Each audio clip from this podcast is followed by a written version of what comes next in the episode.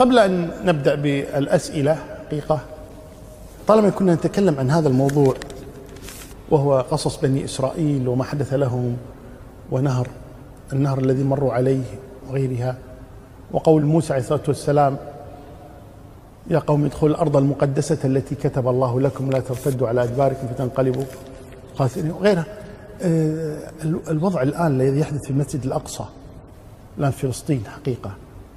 يعني لابد المسلم حقيقة أن أن يتألم لما يحدث لما يحدث الآن. لا يجوز أبدا أن تمر علينا هذه الأحداث أمر عادي البعض حتى يمكن لما يشوف التلفزيون أو تجيه الأخبار بالواتساب أو غيره أو كذا ما يطالعها. مل مل. وهو يرى عن فلسطين وعن كذا وما يحدث فيها وكذا. أولا لابد أن نتذكر أن هذه أشرف أرض غصبت من المسلمين. أشرف أرض غصبت من المسلمين الآن يحكمها غير المسلمين هي هذه الأرض. طيب المباركة التي هي فلسطين. ثم كذلك هذه أرض مقدسة. كما قال موسى عليه الصلاة والسلام يا قوم ادخلوا الأرض المقدسة التي كتب الله لكم. إذ ناداه ربه بالوادي المقدس طوى هذه الأرض مباركة كما قال النبي صلى الله عليه وسلم عن أرض الشام إنها أرض مباركة. فلا يجوز أن تهمل هذه الأرض. والشام تشمل فلسطين والأردن وسوريا. هذه أرض الشام. هذه أرض مباركة كما قال النبي صلى الله عليه وسلم. اللهم بارك لنا في شامنا. اللهم بارك لنا في يمننا. والطائفة المنصورة كما أخبر النبي صلى الله عليه وسلم لا تزال طائفة من أمتي ظاهرين على الحق لا يضر من خذل ومن خذل. قال هم في أكناف بيت المقدس في بيت الش... في المقدس في الشام. فيجب أن نعرف لهذه الأرض مكانتها. وقدسيتها عندنا. ويكفيها أنها فيها جل الرسالات جل الأنبياء كانوا في هذه الأرض. وهي قبلتنا الأولى. كان النبي يستقبل بيت المقدس قبل أن يؤمر باستقبال الكعبة. وهي مسرى نبينا محمد صلى الله عليه وآله وسلم. وهي مأزر المسلمين مأرزهم عندما يخرج الدجال وينزل عليهم عيسى في الشام. ينزل عليهم عيسى. وينتصرون على الدجال وينشرون الخير والحق في أرض الشام. فلا بد أن نعرف لهذه الأرض قدرها ولا بد أن ننصر المسلمين هناك. لا يجوز ابدا أن تكون قضية القدس والمسجد الأقصى كما أرادوا ذلك.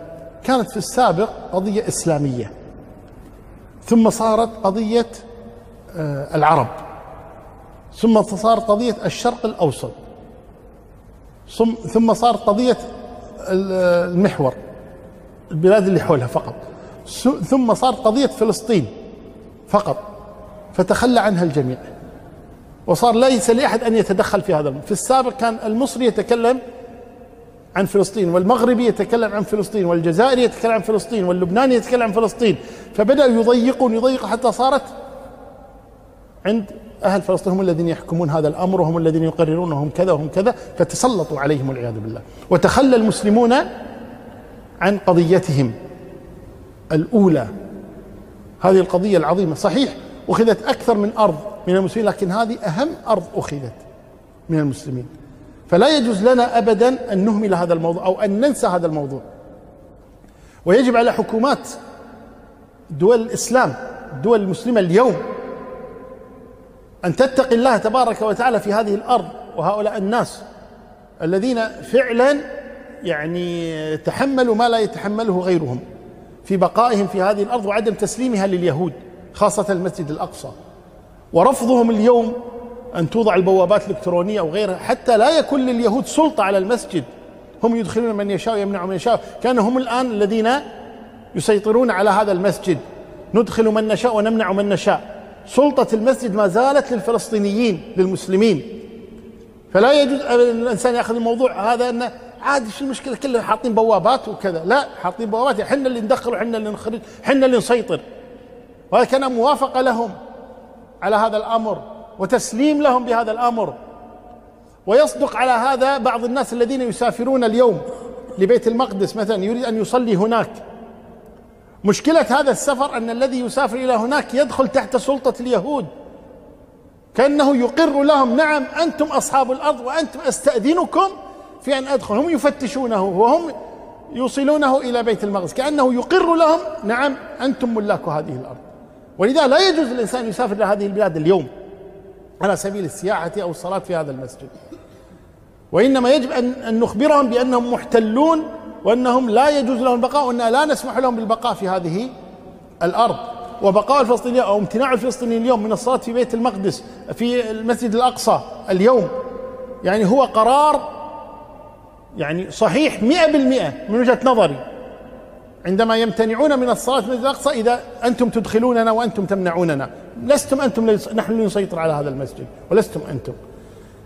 فعلينا أن نقف معهم في هذا الأمر وأن ندعو لهم وأن نأمر ونطلب من حكام المسلمين عموما أن يتدخلوا في مثل هذا الموضوع. ولعل تدخلهم يمنع اليهود من الاستمرار في لأنهم لا يرون أحدا يمنعهم ولا أحد يتكلم معهم. فعلينا نحن الشعوب أن الذي نقدر عليه من الدعاء لهم ونصرة قضيتهم ونشرها, ونشرها والامتناع من السفر للسياحة هناك حتى إن أخبرني البعض أن إذا أن يعرف أحدا سافر صار الفلسطينيين يسبونه. لماذا تأتي هنا؟ كأنك توافق اليهود أن الأرض هذه لهم. لماذا أتيت؟ يعني يرفضون مجيئنا لأنهم يرون أن هذا فيه نصرة لليهود وموافقة لهم وأن الأرض لهم وأننا نستأذنهم لأن يدخل تحت حمايتهم وتحت إذنهم. وهم الذين يفحصون جوازه وغير ذلك من الأمور. فنصرة لإخوانكم المسلمين هناك الدعاء لهم ونشر هذه القضية والاهتمام بها والحديث عنها ومن كان يستطيع أن يصل إلى المسؤولين يصل إلى المسؤولين حتى آه، يرتفع صوت المسلمين هناك. ولا يظن هؤلاء اليهود المجرمون آه، أنهم آه، لا يتعاونون إلا مع الفلسطينيين فقط هم وجها لوجه حتى يعلموا أن كل العالم الإسلامي مع هؤلاء الفلسطينيين وأنهم يد واحدة.